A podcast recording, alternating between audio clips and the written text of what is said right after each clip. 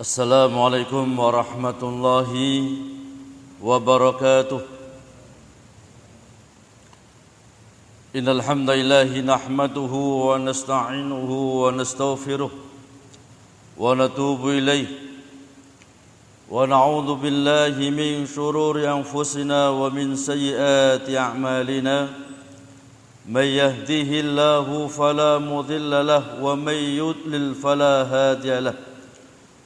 أشهد أن لا إله إلا الله وحده لا شريك له واشهد أن محمدا عبده ورسوله اللهم صل وسلم وبارك على نبينا محمد وعلى آله وصحبه أجمعين وبعد Jamaah subuh yang dimuliakan Allah Subhanahu wa taala alhamdulillah kita memuji dan bersyukur kepada Allah Subhanahu wa taala atas melimpah nikmat dan karunia yang telah Allah limpahkan kepada kita.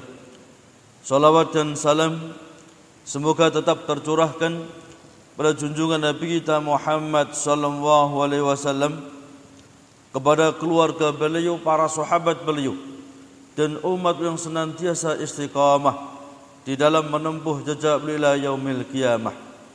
Jamaah rahimakumullah kita lanjutkan kajian kitab Sarah Kasfis Subuhat yang mana pada pekan yang lalu kita telah memasuki perkataan al-muallif Al-Imam Muhammad Ibn Abdul Wahab At-Tamimi ketika beliau mengatakan fa awalhum nuh fa awaluhum nuh alaihi salatu wasallam arsalallahu ila qaumihi lamma ghalu fi salihin. Rasul yang pertama adalah Nuh alaihi salatu wasallam dan ini benar. Berdasarkan Firman Allah Subhanahu wa taala, "Inna auhayna ilaika kama auhayna ila Nuh." Kami telah wahyukan kepada engkau Muhammad sebagaimana telah kami wahyukan kepada Nuh alaihi salatu wasallam.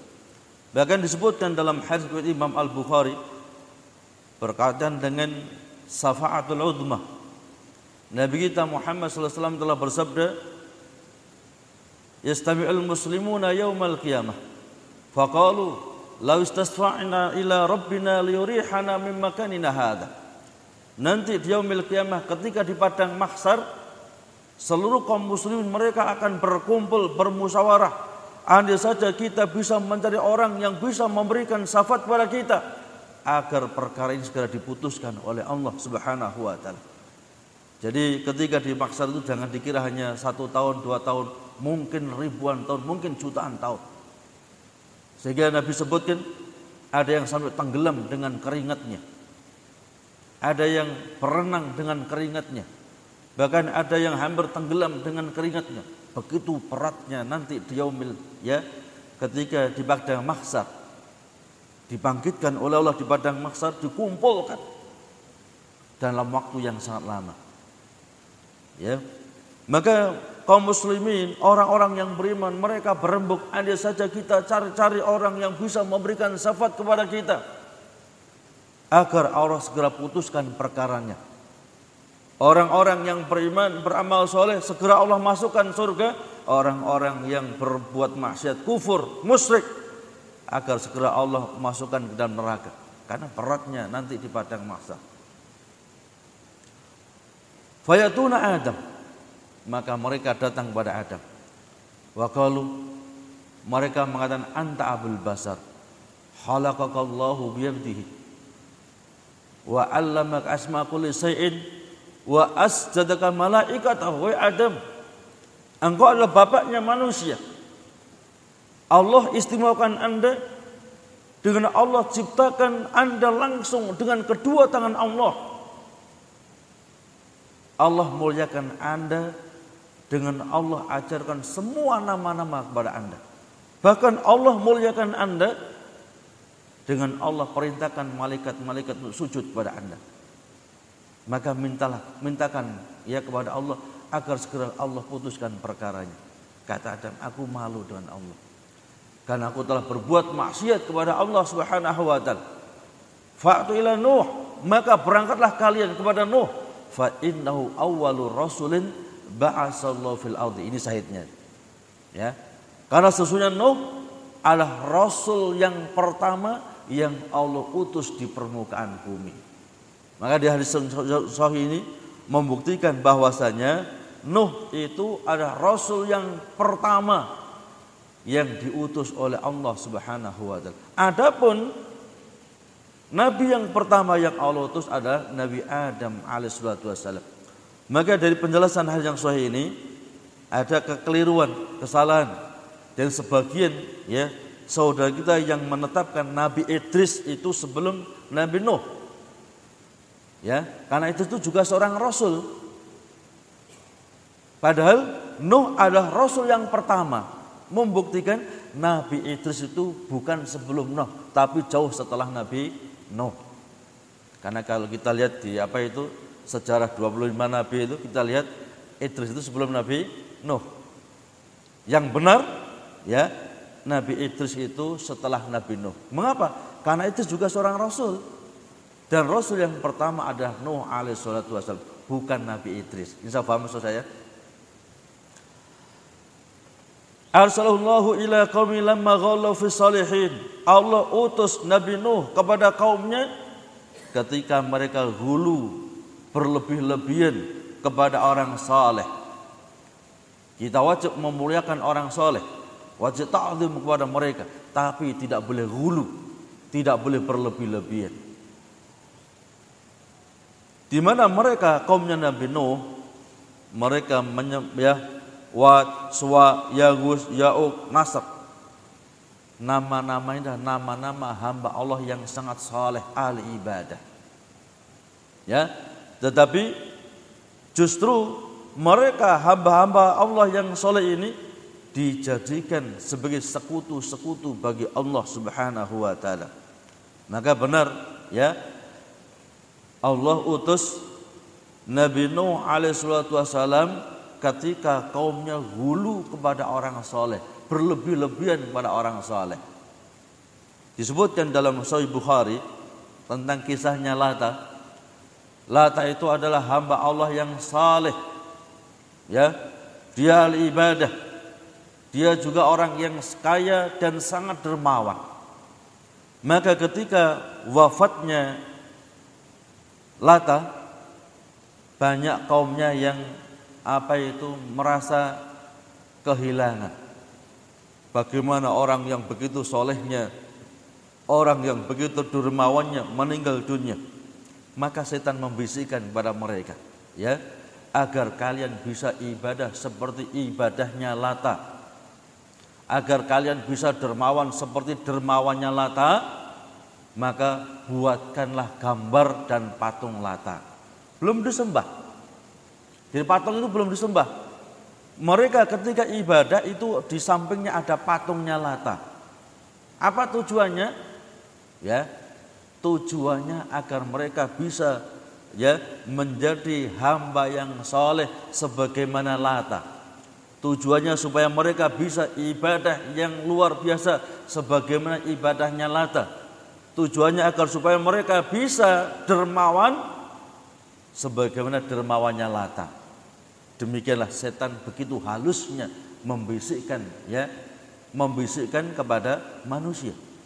Jadi nggak langsung, nggak langsung berbuat syirik, ya.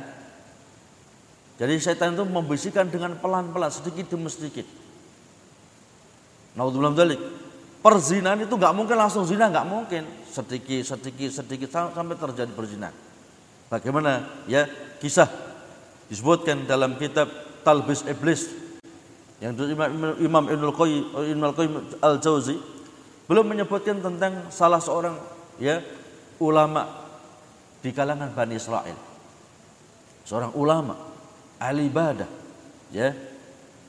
Ketika dua sahabatnya ini datang kepadanya ya wahai seorang yang alim kami berdua dipanggil untuk jihad fisabilillah berperang di jalan agama Allah dan kami tidak dapatkan orang yang paling kami percaya kecuali anda seorang yang alim ini maka saya titipkan adik perempuan saya kepada anda.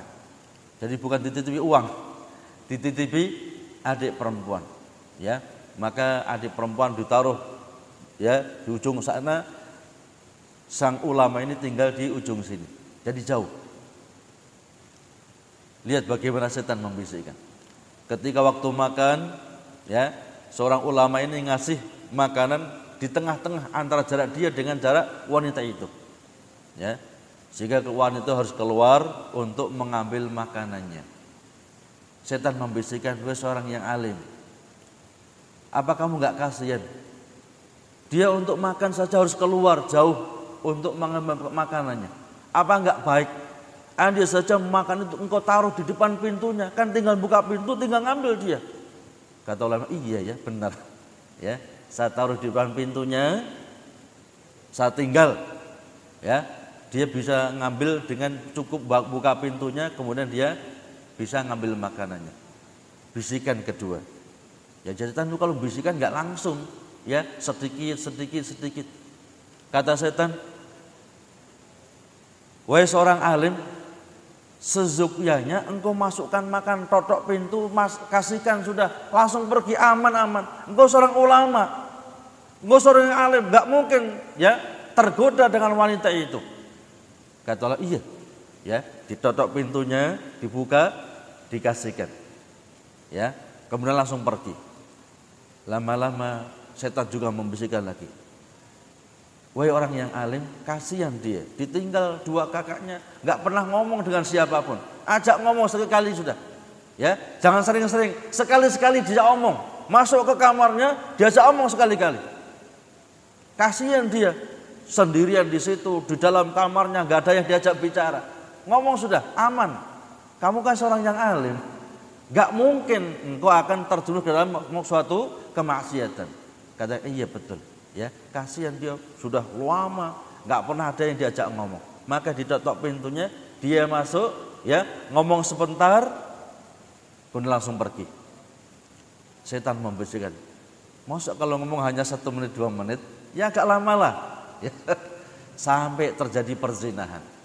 Itulah setan. Jadi setan merayu manusia itu sedikit itu nggak mungkin langsung ya langsung banyak nggak mungkin. Sedikit sedikit sedikit sedikit setelah terjadi perzinahan, hamilah wanita ini. Ya, kata setan, wahai seorang yang alim, kalau kabar ini bisa keluar sampai keluar masyarakat, maka nama baikmu akan hancur sudah. Engkau seorang ulama, engkau seorang alim, engkau seorang tokoh masyarakat, bagaimana engkau menghamili seorang wanita yang itu bukan istrimu? Caranya bunuh saja sudah, eksekusi sudah, biar kabarnya nggak keluar. Kata iya betul, nanti kalau nggak dibunuh ini ya kabarnya keluar. Maka wanita yang hamil besar itu dieksekusi mati. Kemudian dikuburkan di bawah ranjangnya. Ya. Maka ketika dua temannya sudah pulang dari medan perang, ditanya, "Wahai seorang ulama, mana adik saya yang dulu pernah saya titipkan kepada sambian?" Ya maka ulama ini pura-pura nangis. Ya bahwasanya adiknya meninggal dunia sakit keras kemudian meninggal dunia. Kuburnya di sana ya dibuatkan kuburan palsu. Cuman ketika keduanya tidur setan membuat mimpi. Jadi setan itu bisa ketika kita ini ya setan bisa membuat mimpi dalam tidur kita. Dua orang bersaudara ini semuanya mimpi yang sama Sebetulnya adikmu itu nggak mati karena sakit. Dia meninggal dunia karena dibunuh oleh sahabatmu seorang ulama ini. Mengapa dibunuh? Karena dia telah menzinainya, hamil, khawatir kabarnya keluar, maka dieksekusi mati. Ya, maka ketemulah dua saudara ini. Saat tadi malam mimpi demikian, saya juga sama, mimpinya persis. Dan itu berlangsung sampai tiga kali. Maka keduanya sepakat kalau demikian untuk membuktikan mimpi ini kita bongkar sudah. Ya, karena dalam mimpi disebutkan makamnya di bawah ranjangnya dibongkar. Ternyata betul ada adiknya yang dalam posisi meninggal dunia hamil. Ya, maka ulama ditangkap ini. Karena dia seorang ulama berbuat zina, naudzubillah, kemudian membunuh. Maka hukumannya lebih berat ya sebelum dieksekusi mati dia disalib ya ditaruh di tempat yang panas ya nggak dikasih makan nggak dikasih minum. Maka ketika seluruh masyarakat sepakat ini harus dibunuh ini hutang nyawa harus dibayar dengan nyawa. Maka setan bisikan lagi wahai orang alim gimana kabarnya? Waduh apes ya ngikuti kamu apes saja sekarang ini saya benar apa itu kalau kamu mau ya mengatakan saya beriman kepada iblis, senjata mereka nggak akan mempan itu. Kamu akan bisa berjalan di permukaan bumi dengan bebas. Ya, padahal panah-panah sudah siap itu. Iblis bisikan lagi, kalau kamu mau mengatakan aku beriman kepada iblis, cukup itu saja, jangan banyak-banyak sudah. Maka senjata mereka itu akan mempan bagi kamu dan kamu bisa bebas ya berjalan di permukaan bumi. Maka seorang ulama mengatakan aku beriman kepada iblis. Naudzubillah min dzalik. Gara-gara wanita dia berbuat tiga dosa besar. Pertama, dia berbuat zina. Yang kedua, dia ber, dia melakukan pembunuhan. Yang ketiga, dia berbuat syirik kepada Allah Subhanahu wa taala. Itulah bahayanya bisikan setan. Jadi setan kalau bisikan pelan-pelan, nggak mungkin langsung itu. Sebagaimana kaumnya Nabi Nuh ini dibisikkan ya agar kalian itu bisa ibadah seperti ibadahnya fulan yang soleh ini. Agar kalian dermawan seperti dermawan yang hamba Allah yang soleh ini. Maka buat patungnya. Setiap kalian ibadah, patung itu ada di samping kalian. Maka kalian ter, ya, terinspirasi supaya bisa khusyuk ibadah, supaya bisa bersemangat dalam ibadah. Belum disembah. Lama-lama lama ganti generasi baru setan memberisikan kepada manusia. Dulu nenek moyang kamu kalau minta hujan datangnya ke sini. Ya, dulu nenek moyang kamu ketika tertimpa musibah penyakit datangnya ke sini tawasul kepada ini. Lata, Uza, Mana, Suwa, Yagus dan sebagainya. Mereka mengatakan, Wahai Lata, sampaikan kepada Allah agar Allah turunkan hujan kepada kamu. Wailata sampaikan kepada Allah agar musibah penyakit ini Allah angkat. Itulah kesyirikan orang-orang musyrik bertawasul menjadikan dia dengan Allah yakni perantara. Inilah kesyirikan mereka orang-orang musyrik. Makanya orang musyrik di zaman Nabi ketika mereka ini berperang dengan Nabi, Lihat ya, antum bisa lihat dalam kitab Raudhatul Anwar. Bahkan dalam hadis riwayat Imam Al-Bukhari pun juga ada. Bagaimana ketika Nabi kita dan para sahabat berhadapan-hadapan dan orang kafir ketika perang Badar. Nabi mengangkat kedua tangannya, Allahumma intuhlika hadhil isabah fa innaka la tu'bad fil ardi abada. Ya Allah, andai saja golongan kaum muslimin engkau binasakan hari ini ya Allah, maka engkau tidak akan pernah disembah di permukaan bumi untuk selama-lamanya. Jadi Nabi berdoa, ya Allah, kalau kaum muslimin sekarang ini hancur binasa ya, ya Allah, karena musuhnya banyak, senjatanya komplit, dan kita kaum muslimin sedikit, senjatanya ala kadarnya. Andai saja engkau binasakan kaum muslimin hari ini ya Allah, sesungguhnya engkau nggak akan pernah disembah di permukaan bumi untuk selama-lamanya. Mengapa? Karena ya umat Islam ada umat yang terakhir Nabi kita Muhammad SAW ada Nabi yang yang terakhir ya. Maka ketika Abu Jahal ya di sini saksikan di sini perhatikan di sini. Ketika Abu Jahal melihat Nabi mengangkat kedua tangannya berdoa kepada Allah Abu Jahal juga mengangkat tangan berdoa itu. Ya. Kata Abu Jahal ya Allah Muhammad dan pengikutnya orang-orang yang memecah belah agama kami ya Allah. Ya Allah Muhammad dan pengikutnya orang-orang yang mencerai barisan kami ya Allah. Hancurkan Muhammad dan pengikutnya. Ini doanya Abu Jahal itu. Apa maksudnya? Maksudnya mereka orang musyrik gak ngakoni kalau mereka dalam kesalahan. Mereka orang musyrik gak mengakui kalau mereka dalam keadaan kesyirikan. Buktinya Abu Jahal juga minta kepada Allah itu. untuk Nabi kita Muhammad dan kaum muslimin dibinasakan hari itu. Karena kata Abu Jahal, Muhammad dan pengikutnya yang mencerai berikan barisan mereka, yang memisahkan di antara mereka dan sebagainya sebagainya. Antu jalil dalam Sahih Bukhari itu. Ya. Dan juga kitab Raudhatul Anwar.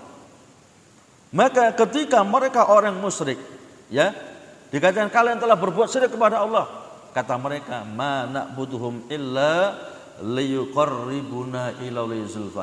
Kami ini enggak berbuat syirik. Kami enggak menyembah Lata, Uza, Suwa, Mana, Yagus, enggak. Illa liyuqarribuna ilallahi zulfa kecuali akan mereka mendekatkan diri kami kepada Allah dengan sedekat-dekatnya. Kami nggak nyembah mereka. Kami hanya tawasul kepada mereka agar mereka mendekatkan diri kami kepada Allah dengan sedekat-dekatnya. Mereka kan orang-orang soleh. Mereka orang-orang yang ahli ibadah. Amal solehnya banyak Ya, orang yang hampir-hampir nggak pernah berbuat maksiat, sedangkan kami orang yang banyak maksiat, amal solehnya hanya sedikit. Kalau kami minta langsung kepada Allah nggak dikabulkan itu. Ya, kalau kami minta langsung kepada Allah nggak mungkin dikabulkan. Wong kami orang yang banyak maksiat kok. Kami banyak maksiat bahkan hanya sedikit ibadahnya. Tapi ini orang-orang soleh ini ibadahnya luar biasa. Ya, dosanya hanya sedikit. Dia wali-wali Allah ini. Kalau kami ngampung lewat mereka lebih mustajab. Ya, orang musyrik ini mengkiaskan Allah dengan makhluk. Ini kias yang rusak. Yang mana mungkin Allah dikiaskan dengan makhluknya. Kata mereka orang musyrik, kalau kami hendak menemui seorang raja, nggak mungkin bisa ketemu raja. Harus melewati ajudan-ajudan raja ya. Jadi harus lewat ya ajudan-ajudan raja. Lewat patihnya ya. Lewat panglima perangnya dan macam-macam. Nggak mungkin bisa langsung ketemu raja. Demikian pula kepada Allah. Kalau kami langsung kepada Allah nggak diterima sudah. Karena amal kami hanya sedikit. Maksud kami luar biasa. Kami ngampung lewat kepada orang orang saleh. Inilah kesyirikan orang musyrik. Ya insya Allah Ya, inilah bahasa dengan tawasul sirki. Tawasul yang syirik. Dan itu ya bisa mengeluarkan seseorang dari agama Allah Subhanahu wa taala. Dan banyak ayat Allah sebutkan tentang yakni masalah ini. Maka benar ya Al-Imam Ibn Abdul Wahab At-Tamimi dalam kitabnya At-Tauhid beliau membuat bab ya babu ma jaa anna sababa kufri bani Adam. Wa tarkihim dinahum huwa al-ghulu fi salihin. Bab tentang sebab-sebab kufurnya anak cucu Adam dan sebab-sebab anak cucu Adam meninggalkan agama tauhid, meninggalkan agama mereka agama tauhid adalah huwa al-ghulu salihin karena berlebih-lebihan ya kepada orang saleh. Kita pada orang saleh harus ta'zim, harus hormat. Tapi tidak boleh berlebihan sampai menjadikan mereka sekutu-sekutu bagi Allah Subhanahu wa taala.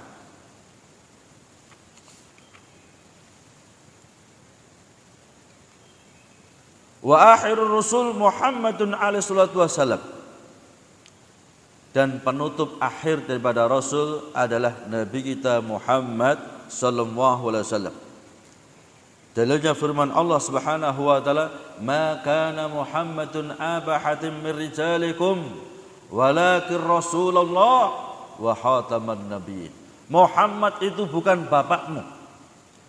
Tetapi Muhammad itu adalah utusan Allah Subhanahu wa taala wa khataman nabiyyin dan penutup daripada para nabi. Maka Nabi telah bersabda, La nabiya ba'di. Tidak ada nabi setelahku ini. Ya, tidak ada nabi setelahku ini. Bahkan disebutkan dalam hadis buat Imam At-Tirmidzi, andai saja ada nabi setelahku ini, maka Umar Ibn Khattab yang akan jadi nabi. Jadi Imam At-Tirmidzi membuat bab, bab tentang keutamaan Umar Ibn Khattab. Ya, ini sabda Nabi kita Muhammad SAW. Andai saja setelah aku ada Nabi, maka Umar yang akan jadi seorang Nabi. Maka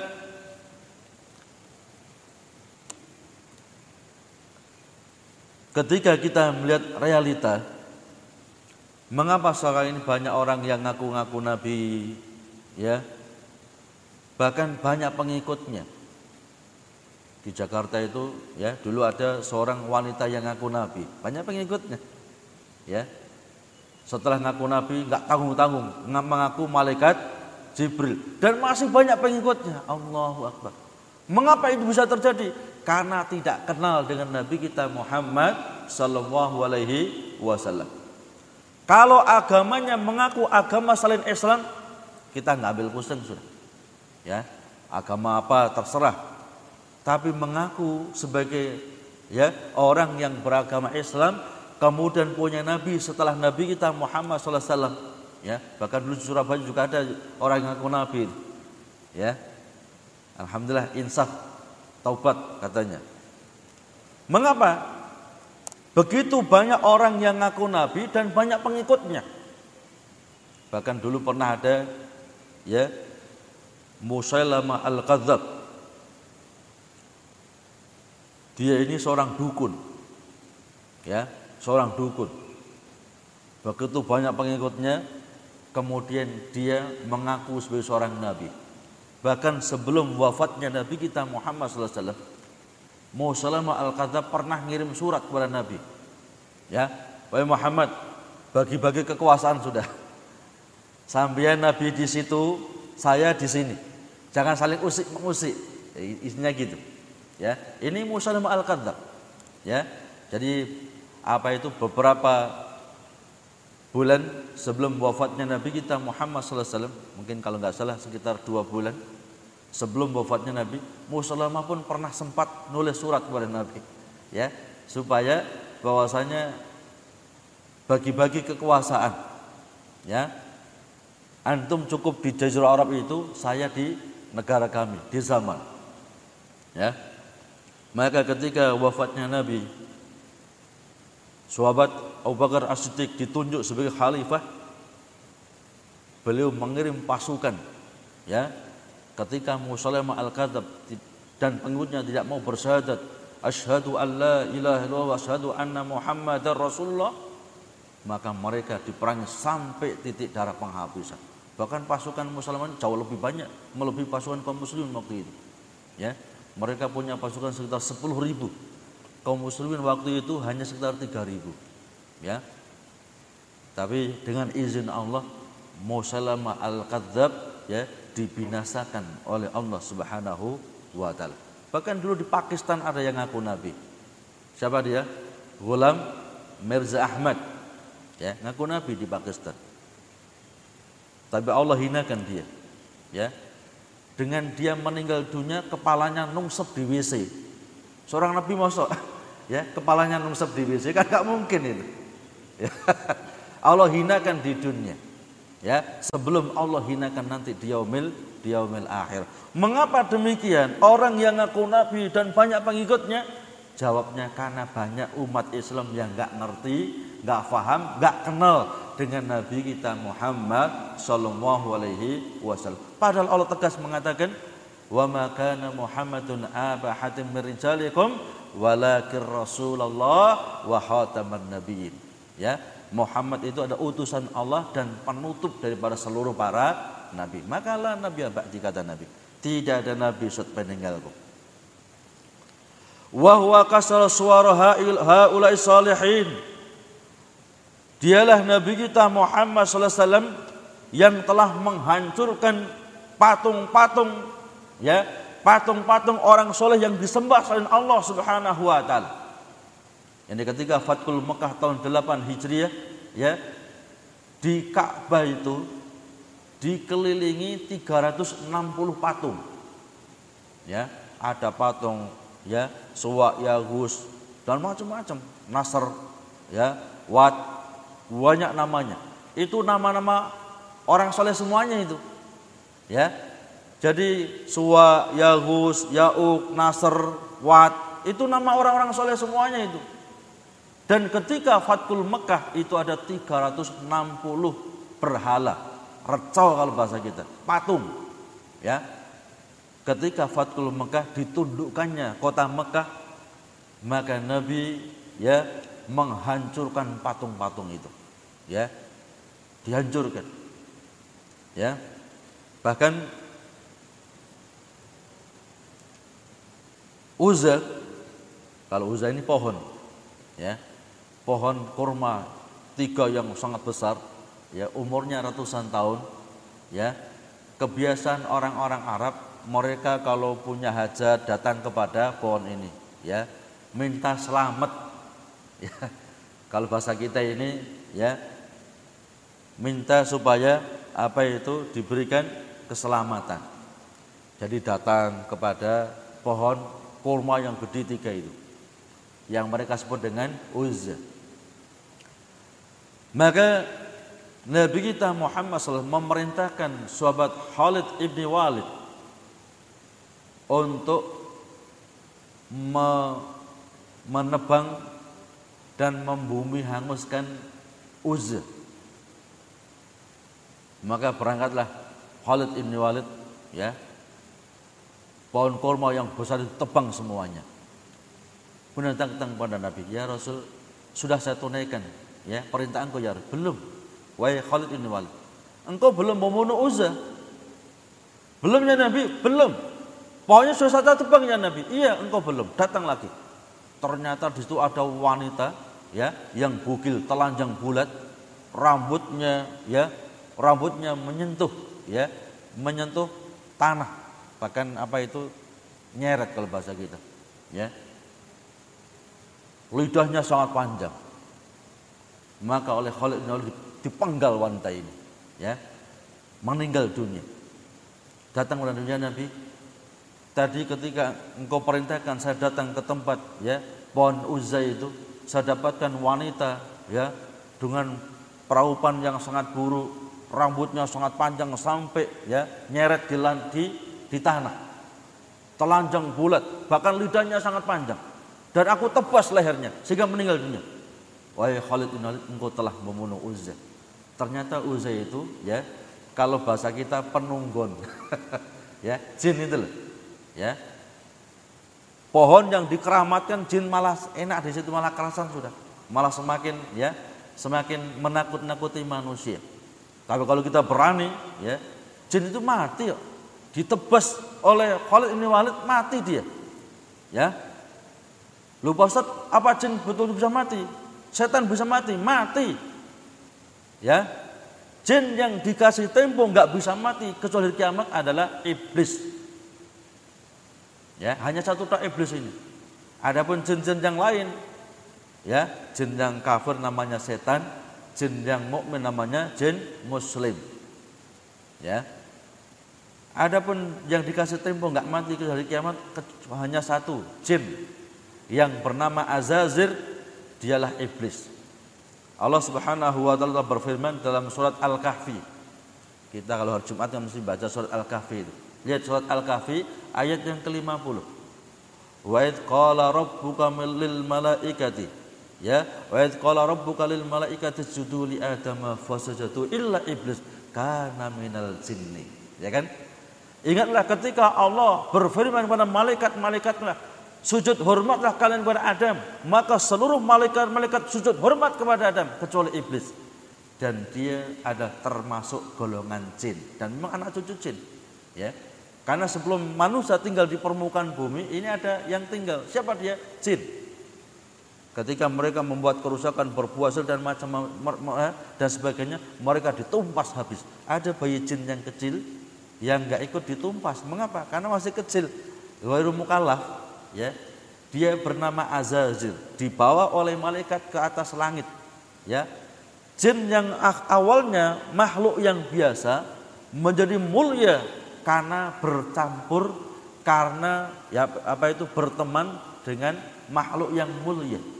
Maka kalau antum ingin jadi mulia, ya, ber, ya bertemanlah ya berkumpullah dengan orang-orang yang mulia Kalau antum ya datangnya kepada orang-orang kumpulnya dengan orang andon andon ayam, tahu andon ayam?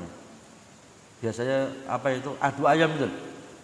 Walaupun antum nggak pernah praktek adu ayam, orang-orang ya melihatnya negatif. Oh katanya ustaz tapi kok ya kumpulnya dengan tukang mabuk, kumpulnya dengan andon ayam. Gek-gek dia juga gitu, kan buruk itu. Maka Nabi kita Muhammad SAW telah bersabda, Ar-rajul ala dini khalilihi fal yandur ahadukum mayu khalid. Seseorang itu akan menyontoh menurut teman karib. Perhatikan dengan siapa engkau akan berteman karib. Awalnya kita nggak seneng jimat, nggak seneng sikap. Temannya orang yang bawa jimat sikap. Ya, belakangan kita akan gandrung juga dengan jimat sikap. Padahal itu sirik. Ya, jadi teman itu banyak pengaruhnya.